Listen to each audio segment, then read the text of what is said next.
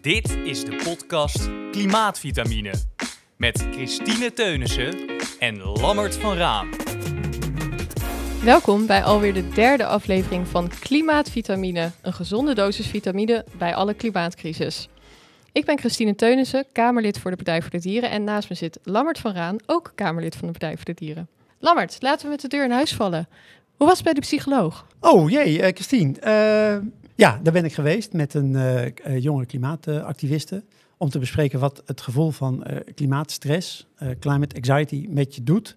Wat het gevoel is wat daaronder ligt, hoe je daarmee omgaat. Dat, dat is een heftig proces, mag je, mag je best weten. En we gaan daar ook op door. We denken wel dat het een heel ja, vruchtbaar proces kan zijn om de transitie te versnellen. Mooi. Ja, dat is echt, dus dat, is echt mooi. En het kost heel veel energie en het is heel moeilijk. Ik vind het ook moeilijk om erover te praten, merk ik. Uh, maar dat neemt niet weg dat het gesprek wel moet worden aangegaan. Wordt vervolgd dus. Zeker, ja. Hey, en uh, Christine, jij kan ons natuurlijk vertellen wat er allemaal gebeurd is op de klimaattop die op dit moment bezig is. Ja, ja, dat klopt. We zijn de tweede week ingegaan van de klimaattop. Wat je dan ziet in zo'n tweede week is dat er meestal aan een slotverklaring wordt gewerkt aan het eind. Zodat er uit al die onderhandelingen die daar gebeuren uiteindelijk ook een resultaat komt. Nou, en? Waar nou, ja, Hoopvol, uh, niet hoopvol? Wat ik moet zeggen is dat de voorzitter, dat is nu Egypte van de klimaatop, zijn vrij laat begonnen met die verklaring. Dus daardoor was het eigenlijk vanaf het begin af aan een beetje onduidelijk uh, welke richting het op zou gaan. Maar nu lijkt het toch tot een soort uh, compromis te komen. Okay. Wat er gebeurd is, is dat er een aantal landen uh, signalen hebben afgegeven dat ze misschien wel die anderhalve graden los willen laten. Wat natuurlijk enorm heftig is. Dat, is dat moeten we helemaal niet willen. Dus daar zat wel een hele grote spanning. Ja. En daarnaast is het zo dat de discussie vooral gaat tussen de rijke landen en de arme landen. Het gaat over klimaatfinanciering. Dat wij als uh, rijke landen, Nederland hoort er ook bij, uh, heel veel meer hebben uitgestoten al die tijd, al die decennia, dan de armere landen. En die armere landen hebben nu wel te maken met de gevolgen van klimaatveranderingen, zoals overstromingen en droogtes en hitte.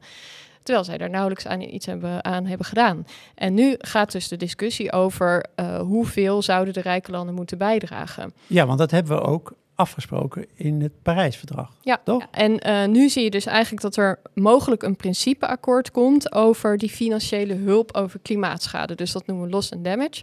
En uh, dus de schade die nu bijvoorbeeld in Pakistan al is veroorzaakt aan klimaatverandering, daar moet de compensatie voor komen. En waarschijnlijk uh, wordt dat nog dan uitgewerkt, want het ligt heel gevoelig. Hoeveel moet dat dan zijn? 100 miljard is al eerder beloofd. Dat staat nu op 80 miljard. En arme landen zeggen: kom nou eens over de brug met dat geld. Ja, terecht. Ja, zeer terecht. En uh, waarschijnlijk wordt er dus nu een soort compromis gevonden. Dat aan de ene kant wel die anderhalve graad overeind blijft. Dus die ambitie blijft overeind. En dat ter compensatie die rijke landen dan extra geld gaan geven uh, om klimaatschade te voorkomen. Dat is nu een beetje waar het op ja, lijkt uh, het, uit te komen. Ja. En hoe gaan wij ervoor zorgen dat uh, wat Rutte ook zegt, dat we er aan gaan houden? Want tot nu toe zegt hij heel veel. We need to step up and rapidly deliver on the promises we have made. The action we have taken so far has been way too little, way too late. The African continent is on the front line of a climate emergency it did not create. Ja, dat klopt. Dat zagen we vorige week. Toen heeft Rutte daar een speech gegeven waarin hij ook zei dat Nederland wel verantwoordelijkheid neemt. Nou, daar is de Partij voor de Dieren voor hier in de Kamer om daar ook echt uh, op te hameren dat Nederland dat ja. doet, want dat blijkt helemaal niet het geval in de praktijk. Dat zie je bijvoorbeeld bij een methaan pledge. Dat is een beetje Ja, wat is dat? Methaan, wat is dat voor iets? Ja, methaan is ook een heel sterk uh, broeikasgas, zo'n 25 keer sterker dan CO2. Dus dat is uh, ook fors bij aan de klimaatverandering. -hmm. En dat komt onder andere doordat, uh, ja, door, uh, dat koeien veel methaan uitstoten. Gewoonweg Juist. door hun uh, mest. Ja. En dan zijn we weer heel dicht bij de Partij voor de Dieren. Ja, dan zijn we zeker dicht bij de Partij voor de Dieren. Want wat wij willen is die problemen in samenhang aanpakken. En wat je nu in Nederland ziet is dat de minister van Landbouw vooral bezig is met het stikstofprobleem. En dan is de minister van Klimaat bezig met het ja. klimaatprobleem. En dat zou natuurlijk integraal ja. moeten worden aangepakt. Dus er wordt nu in de stikstofplannen ook helemaal niet gesproken over hoeveel methaan moet er eigenlijk worden teruggedrongen om de klimaatdoelen te halen. Ja. Wat natuurlijk wel op tafel moet liggen. Dus volgende week hebben we begrotingsbespreking. Ja, over van economische Econ zaken en klimaat. en klimaat. Dus ook de minister van Klimaat erbij. En dan gaan we die verbanden leggen. Ja, Top? precies. Ja. Exact. En dan gaan we ook de minister oproepen om nu echt eens de regie te pakken. En ook uh, niet alleen in de industrie voor CO2-reductie te zorgen, maar ook echt in de landbouw. Precies.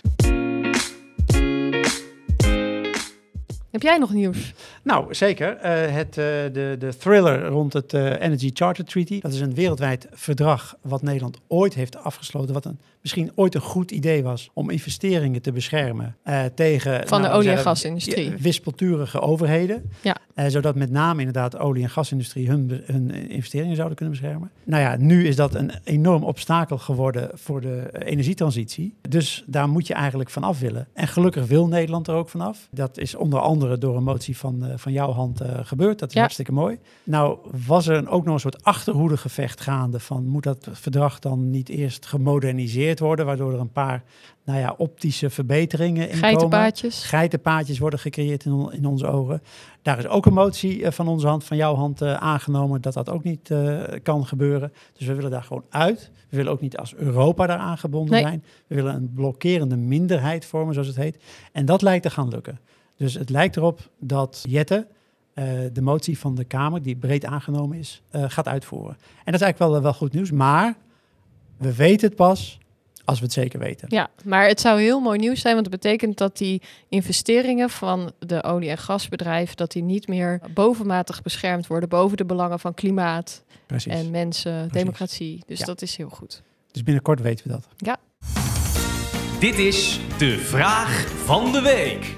Hey, en dan zijn er ook nog eh, vragen uiteraard weer binnengekomen, Instagram. Ja, de vraag is, ehm, wat raden jullie aan om te doen tegen de klimaatstress? En daar hebben we het vorige keer natuurlijk uitgebreid over gehad.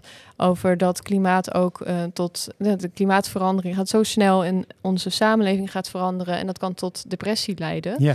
En ehm, ja, bij klimaatstress, als je daar dus last van hebt... Ja, wat ik zou doen, is zoek mensen die tot actie overgaan. Sluit je daarbij aan. Dus er kunnen allerlei initiatieven zijn. Dus lokaal, landelijk. Je kan je bij de Partij voor de Dieren aansluiten natuurlijk. Uiteraard. Maar ehm, ja, kom tot actie. Ga tot actie over. Dat is meestal de beste, beste medicijn tegen ehm, zo'n klimaatdepressie. En daarnaast vier je successen. Grote successen, kleine successen, maakt niet uit. Maar als je samen iets voor elkaar krijgt op het gebied van klimaat, wij doen dat hier in de Kamer ook wel eens, hè, dan hebben we zo- zo'n aangenomen motie Ja. Tegen zo'n eh, fossiele energieverdrag. En dat gaan we dan hier vieren met Er is taart. altijd reden voor een feestje. Ja, met vegan taart uiteraard. We hebben taart, een lekker taartje en op naar meer. Er is altijd reden voor een feestje. En dat geldt dus ook eh, ja, als er een mooie actie is geweest. Of als je tegels uit je tuin hebt gehaald. Klein, groot, maakt niet uit. Vier het. Ja, dus in Ja. in actie komen. In actie Ja, ik zou komen daar, en successen ik, zou- ik vul daar heel graag aan. Eh, praat er ook over. Nou, en wat hebben we dan nog meer? Nou, we hebben natuurlijk de greenwash van de week. En volgens mij is het nu een mooi eh, voorbeeld, eh, wat- het, het rapport wat bekend werd, dat de tien grootste vervuilers, hun uitstoot, eigenlijk niet, niet verminderd is. Nee, en dat is natuurlijk niet verrassend. Want er worden geen verplichtende maatregelen opgelegd vanuit het kabinet. Er wordt wel een zak met geld vrijgegeven, 25 miljard. Maar uiteindelijk, ja, er is geen enkel plan van geen enkel bedrijf wat echt voldoet aan ja, waar we naartoe moeten. Namelijk Nee. verplicht die CO2-reductie. Precies. En de greenwash zit hem dan in dat ze allemaal schitterende reclames maken. Want als je de reclame van Shell mag geloven, dan zijn we al in het walhalla van groen. Zo investeert Shell ook in nieuwe energie voor Nederland. Wij veranderen voor een schonere toekomst. Dat daar, Reclame eh, fossielvrij doet daar eh, enorm goed werk. Die hebben ook eerder ehm, bij de reclamecodecommissie een klacht ingediend tegen reclames die Shell maakt, die zogenaamd hè, als groen bedrijf dan te boek wil staan. En daar zijn ze heel succesvol in. Dus ze hebben die rechtszaak ook eh, bij de reclamecodecommissie hebben ze gewonnen. Ja. En ze zijn ook naar andere bedrijven toe. Dus elke keer, ze zijn een soort watchers. Elke keer als er weer wat Ja. uitkomt van een of ander fossiel bedrijf dat dan zich groen wil presenteren, dan komt fossielvrij weer. Ja, En die kaart dat aan. En Ja, dat is, dat is heel, goed, werk. Ja, het ontmaskeren van, eh, van de greenwash. Dit was weer de derde aflevering van Klimaatvitamine. En ook de klimaattop is volgende week voorbij. En daarom eh, zullen we nu twee wekelijks in plaats van elke week een podcast doen. Maar we gaan natuurlijk door. En vergeet ons niet te volgen op je favoriete podcastplatform. En hopelijk tot de volgende aflevering.